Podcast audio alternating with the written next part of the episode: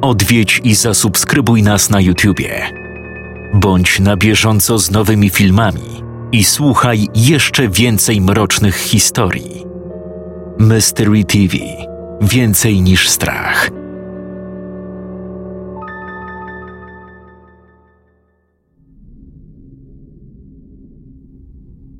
Stary Głowacki błyskawicznie naładował i wycelował w Łucję broń. Nie pieprz. Wtedy nie było cię jeszcze na świecie. Wow. Naprawdę jesteś za stary na to wszystko. Jak myślisz? Kim może być adoptowana córka jednej z najpotężniejszych szeptuch? Twoi rodzice byli ofiarami rytuału, prawda? Twarz Niedomiry to twarz twojej matki? Oczywiście. Ale ktoś musiał przewodzić rytuałowi, prawda? Moi biologiczni rodzice już są w stanie rozkładu gdzieś niedaleko społecznego liceum imienia Udzieli w Krakowie. Nawet nie zdążyłam wyczyścić się z ziemi i krwi, żeby zdążyć zaczepić cię pod szkołą. Zabiłaś własnych rodziców. Porzucili mnie, Des. Czy zasługują na miano rodziców? Porzucili mnie w kanalizacji, gdy byłam niemowlęciem. Wyrzucili nawet nie patrząc gdzie. Miałam szczęście wylądować na kawałku oparcia krzesła, pokrytego zużytą poduszką. Wkrótce znalazła mnie Tomira. To i tak niemożliwe, żeby adoptowała cię ponad dwadzieścia lat temu. Ujmijmy to tak. Zostałam adoptowana, zanim ty się urodziłeś. Mam jedenaście lat. Miałam jedenaście lat. Dwadzieścia cztery lata temu. Jak to brzmi? Jak wyssana z palca bajeczka. Mamy uwierzyć, że jesteś nieśmiertelna? Hm, ładnie to brzmi. Nieśmiertelna. Ale nie do końca. Widzicie, miałam taki układ z matką, a właściwie to ona wymyśliła sobie takie zabezpieczenie na wypadek, gdyby coś poszło nie tak podczas rytuału. Możecie to nazwać takim tymczasowym zaklęciem nieśmiertelności. Gdy wskrzeszę matkę, wrócę do swojego prawdziwego wieku. Nie mów, że chcesz stracić tę nieśmiertelność, wskrzeszając kolejną szeptuchę. Naprawdę? Być nieśmiertelnym w tak niedojrzałym i irytującym ciałku? Nieśmiertelna od trzydziestki to by był raj. A teraz mogę jedynie wiecznie mieć bilety ulgowe i dostawać menu dla dzieci. W tym momencie ilość absurdu, jakiego doświadczył mój mózg, sprawiła, że zacząłem w to wszystko tracić wiarę. Kłamiesz. Myślisz się, że ja cię okłamałem. Dlatego teraz zmyślasz, żeby było mi głupio.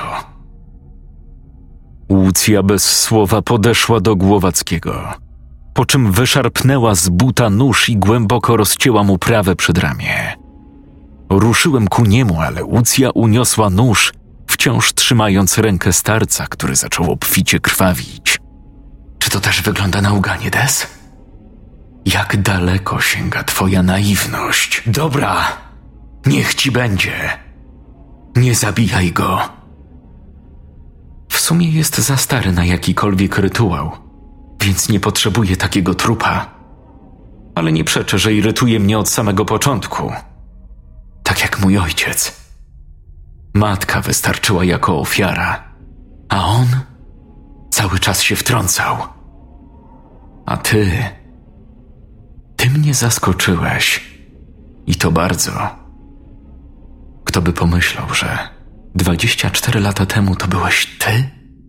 Że ty jesteś tym smarkaczem, który pozbawił mnie przyszłości?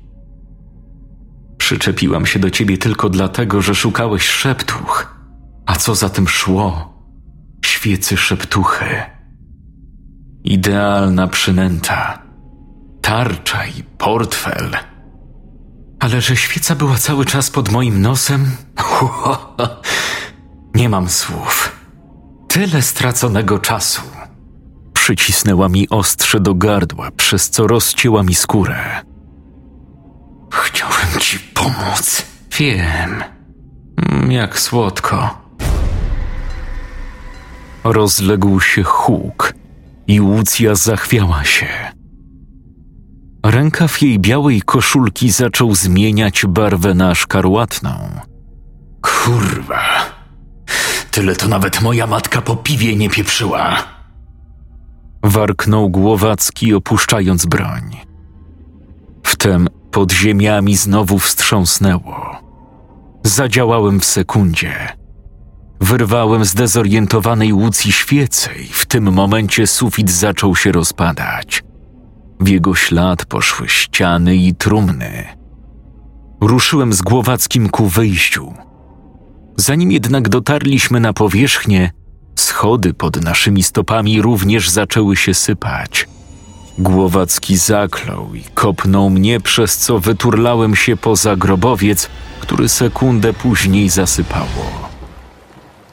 Hej, Głowacki. Zamiast starca odpowiedział mi potężny grzmot i błysk. Skuliłem się przerażony, że ktoś mnie atakuje. Rozejrzałem się i dopiero teraz zorientowałem, co tu się działo. Na zewnątrz szalała burza.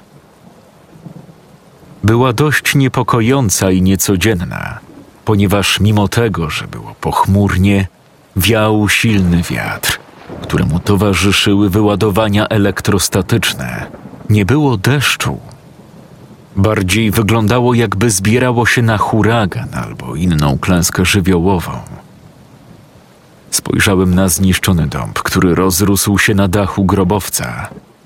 To w niego musiał strzelić piorun, co skutecznie naruszyło konstrukcję budowli. Co teraz? Co teraz? Szeptałem do siebie niemal w gorączce, rozglądając się za czymś, co miałoby dać mi jakąś wskazówkę. Schowałem świecę z powrotem do zegarka kieszonkowego, żeby jej nie zgubić. Znalazłem świecę szeptuchy. Tyle, że teraz byłem w dupie, bo nie wiedziałem, co z nią zrobić. Miałem zaczekać grzecznie na niedomirę i cisnąć w nią świecą? Przeszedłem kilka kroków w lewo, w stronę wierzby, chcąc tam przemyśleć swoje życie.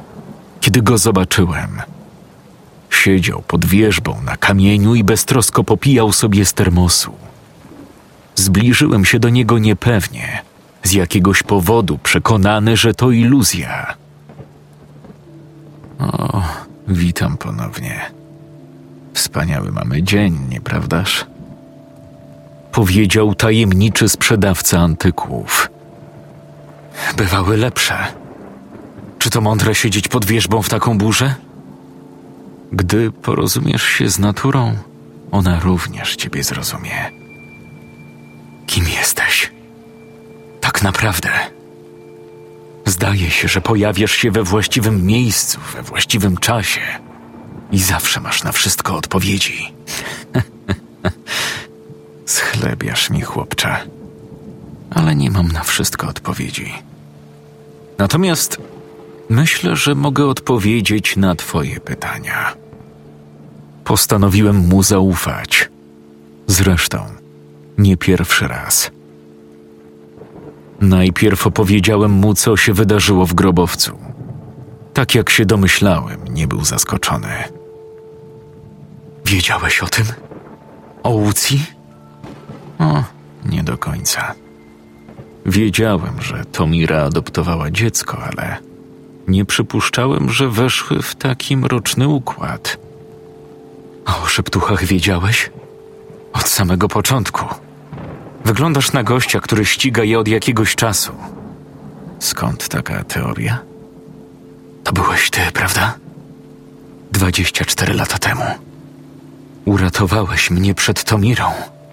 O, ja tylko tamtędy przechodziłem.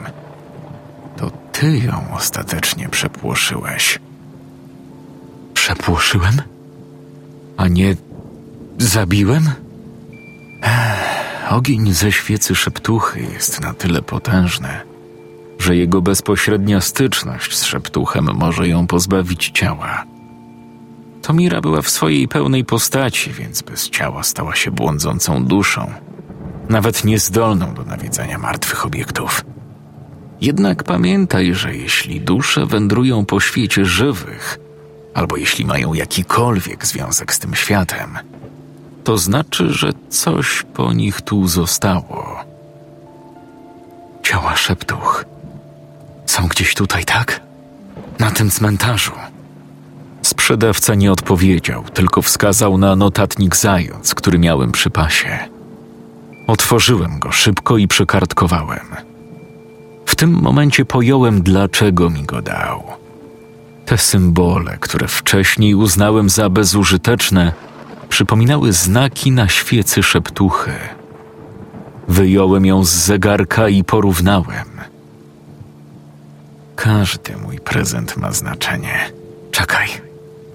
Mam jeszcze jedno pytanie. O co chodzi z tą wioską? Czy jest prawdziwa? A dlaczego ma nie być prawdziwa? Sęk w tym, że nie wszyscy ją zobaczą. Mówi się, że jeśli zobaczysz wioskę, to znaczy, że wybrały ciebie jako ofiarę. Gdy zadomowisz się w niej, to znaczy, że osiągnęły sukces. Jeśli w pewnym momencie zobaczysz jej prawdziwą twarz, to znaczy, że poniosły klęskę. Czyli Michał został wybrany jako ofiara rytualna? Czy moi rodzice też zobaczyli wioskę? Z opowiadania Michała wynikało, że zobaczył prawdę, która kryła się za iluzją wioski. Oznaczałoby to, że nie sprostał wymaganiom jako ofiara, czyli powinien być bezpieczny. Tylko w takim razie, czy to na pewno on znalazł kołek z imieniem? Skoro wioska istnieje w głowie wybrańca, to czy kołek pochodził stąd, z tych ruin? I dlaczego Michał miałby to zabrać? Na mnie czas. Klienci czekają. Czekaj, nie powiedziałeś mi, kim jesteś.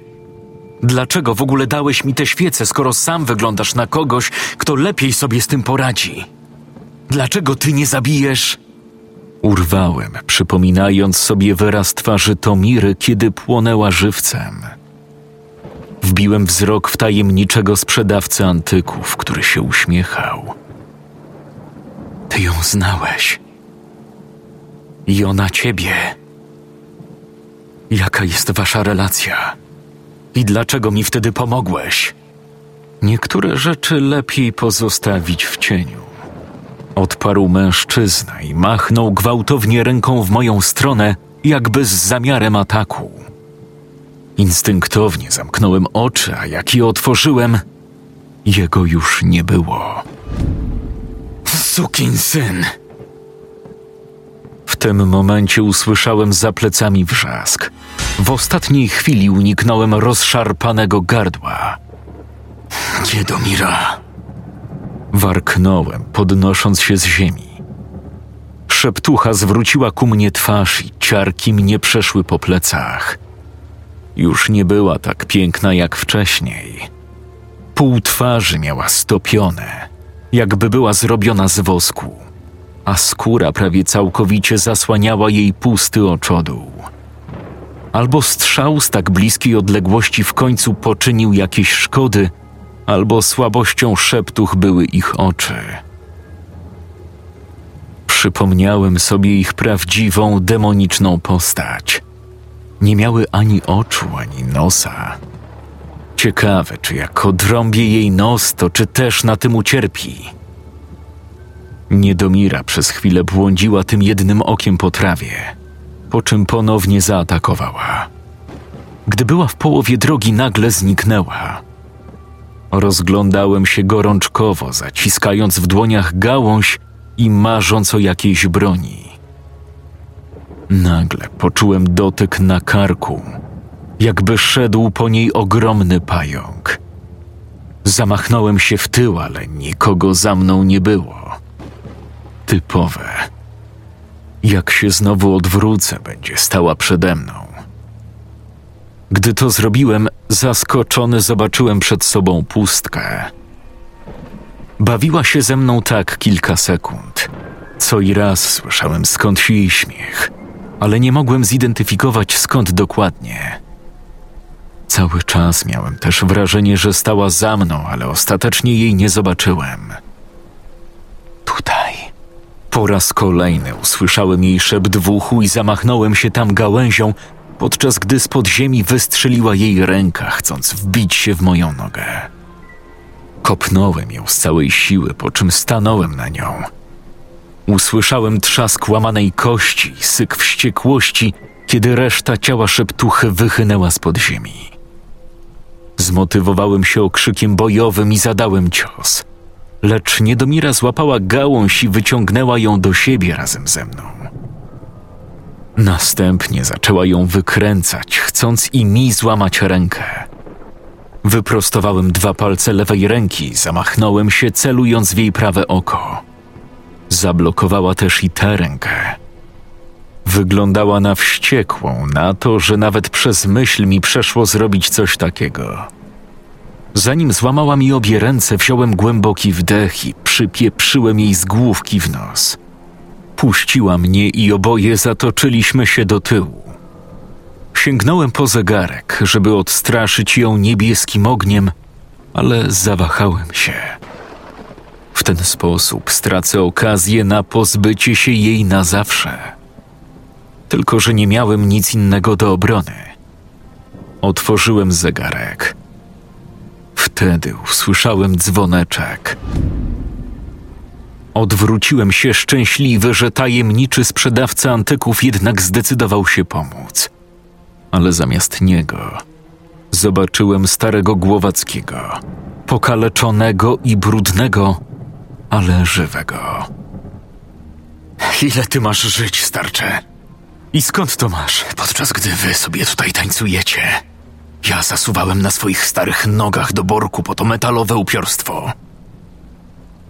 Gdy o tym pomyślałem, dzwoneczek pomylonej Ilony faktycznie zdawał się odstraszać szeptuchę. Ten należący do sprzedawcy antyków również tak zadziałał na Tomirę. Niedomira przekrzywiła głowę, jakby coś ją ugryzło w szyję, po czym cofnęła się odrobinę. To słaba sztuczka. Straci niedługo efekt. Dlatego mamy niewiele czasu. Co musimy teraz zrobić? Spalić ich ciała tą świecą. No i? Znalazłeś te przeklęte ciała? Bez słowa otworzyłem szybko notatnik i zacząłem go kartkować, rozglądając się. Symbole musiały coś znaczyć. Musiały. Wiatr się wzmagał coraz bardziej, jak grzmoty i błyski były coraz częstsze. W pewnym momencie dzwoneczek chyba stracił swój urok, bo szeptucha znowu wyparowała w czarnym dymie i zaraz zmaterializuje się w innym miejscu. Ale w tym samym momencie coś sobie przypomniałem. Widziałem już ten symbol przypominający drzewo z bezlistnymi gałęziami, nadziany na coś, co przypominało widelec. Nie miałem tak świetnej pamięci jak pani Iskra, ale miałem pamięć do szczegółów. I na pewno widziałem podobny symbol na jednym z grobów, zanim weszliśmy do miasteczka. To był rodzinny grób z tą złowieszczą lalką porcelanową. Talent. Musimy iść. Chyba wiem, gdzie jest grób. Świetnie. To na co czekasz? Aż zrobi ci bransoletkę z drugiego barku? Puściłem się biegiem w stronę lasu, za którym zaparkowałem. Grób był gdzieś tam. Ledwo wbiegłem na górkę. Niedomira pojawiła się przede mną i wbiła mi paznokcie w ramiona, przez co straciłem równowagę i stoczyliśmy się pod zniszczony dziecięcy nagrobek. Szeptucha wyszczerzyła zęby w szalonym uśmiechu, po czym otrzymała dwie kulki w głowę. Zrzuciłem ją z siebie i prawie na czworakach wszedłem na górkę. Już w oddali widziałem grób, kiedy nagle z najbliższego nagrobka wyleciała zakapturzona postać bez oczu i nosa, z gębą otwartą o 90 stopni. Odruchowo się uchyliłem i wleciała w drzewo, znikając w nim. Kontynuowałem bieg, ale zaraz musiałem się zatrzymać – kiedy drogę do grobu zaczęły zdobić wychodzące z podziemi ręce. Nie poruszały się. ale miałem wrażenie, że jeśli którąś dotknę, zmiażdży mi kość. Zacząłem więc kluczyć między rękami, momentami zapominając, że wstrzymywałem oddech. W pewnym momencie jednak zachwiałem się i upadłbym na nie, ale zdołałem podeprzeć się na własnych rękach, przed nosem mając jedną z tych wyrastających z ziemi. Wypuściłem powoli powietrze, zezując na pokrzywione palce, których skóra miała coraz większe, szarawe plamy. Zupełnie jak skóra zając, kiedy jej ciało było już u progu wytrzymałości. W tej chwili coś pyknęło w moim mózgu. Wstałem, słysząc za sobą gruchotanie i rozkopywanie ziemi. Wiedziałem, że właściciele rąk wyszli na powierzchnię. Czułem ich spojrzenia. Gdy rozległy się kroki, zacisnąłem powieki. Nagle poczułem lekkie uderzenie w tył głowy i otworzyłem szybko oczy, słysząc krótki dźwięk dzwoneczka. Nadal stałem przy górce, mając przed oczami grób rodzinny. Jednak nic nie zdobiło do niego drogi. Podniosłem dzwoneczek, który leżał przy mojej stopie. Podziękowałem w myślach Głowackiemu i owinąłem sobie sznureczek dzwoneczka wokół palców lewej ręki. Gdy dotarłem do grobu, zaczęło kropić. Wiatr wył i szarpał drzewa, a czarne chmury rozmnożyły się nad Nicowem i okolicą, zwiastując jeszcze potężniejszą burzę niż przed chwilą. Grób miał tylko kamienną tablicę nagrobkową, bez płyty nagrobnej. Usypana ziemia była zdobiona chwastami i lalką, którą znienawidziłem od pierwszego wejrzenia. Odrzuciłem ją na bok i zacząłem kopać. Do ciał dokopałem się po kilku minutach i zdumiały mnie dwie rzeczy: brak trumien i głębokość grobu. Był dość płytki, podobnie jak grobowiec. Dość niepokojąca tradycja nieistniejącej już wioski. Sięgnąłem po zegarek, ale w tym momencie ktoś na mnie wpadł i omal nie wylądowałem w grobie. Po raz drugi od trzech dni. Głowacki przetoczył się na bok i splunął krwią. Odwróciłem się gwałtownie, by tylko zobaczyć sunącą ku nam niedomirę. Szybko wyciągnąłem świecę szeptuchy, ale z nerwów wypadła mi zapalniczka. Głowacki jednak wykazał się świetnym refleksem i chwycił ją w powietrzu, zapalając świecę. Niebieski płomień rozkwitł na knocie i wrzuciłem świecę do grobu, jednocześnie czując, że szeptucha chwyciła mnie za kurtkę. Gdy ogień rozprzestrzenił się na cały dół i moje uszy wypełniły przerażające wrzaski i jęki, uchwyt na kurtce stopniowo zelżał.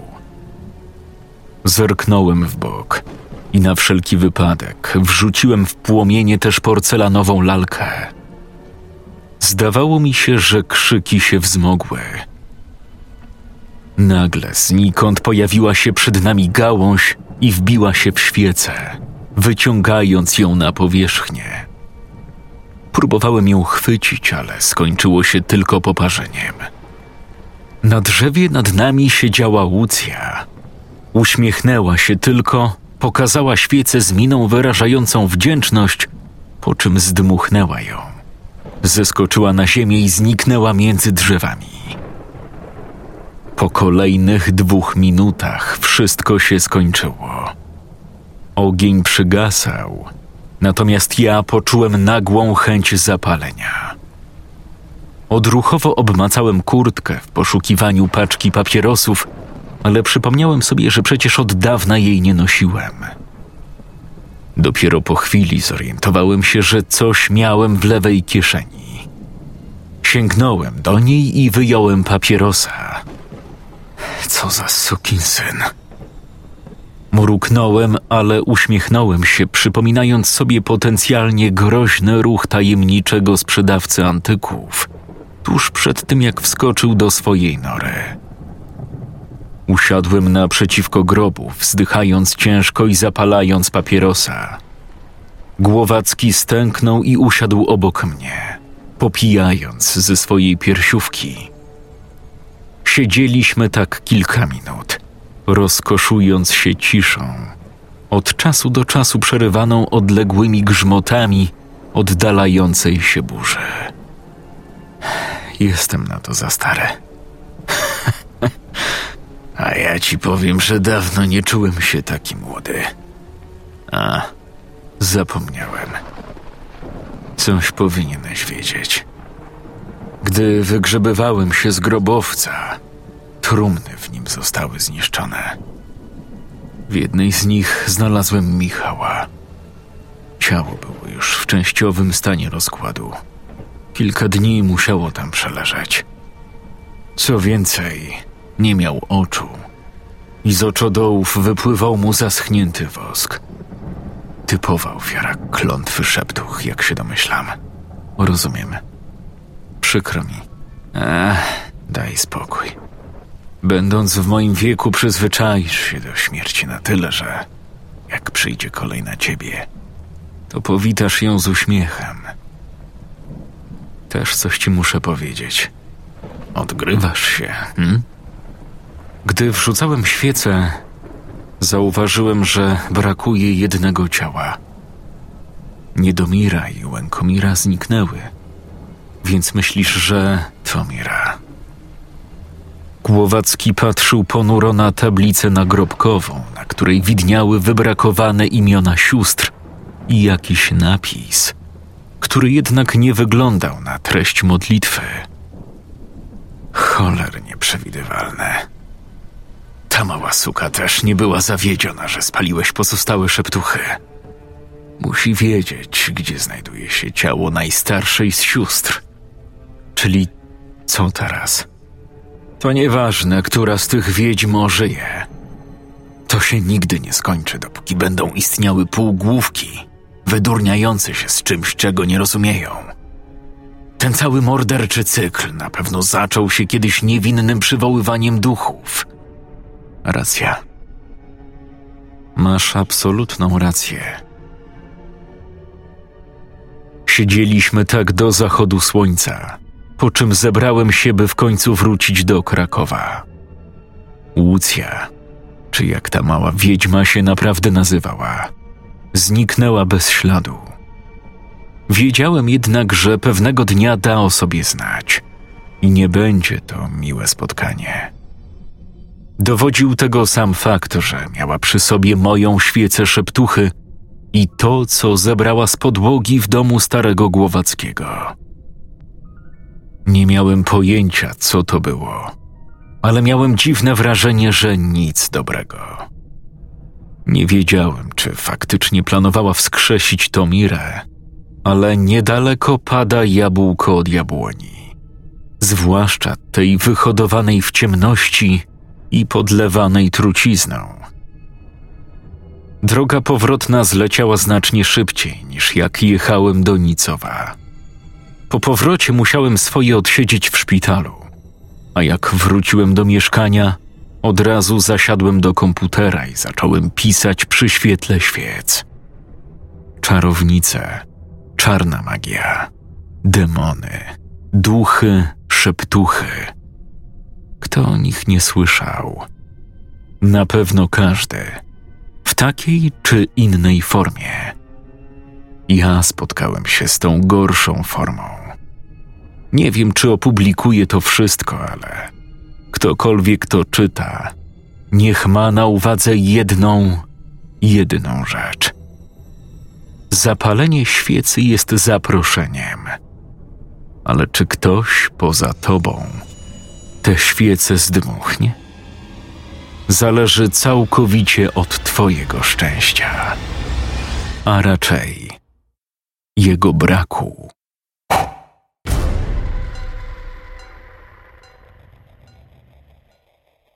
Scenariusz Paulina Siarko. Czytał Jakub Rutka.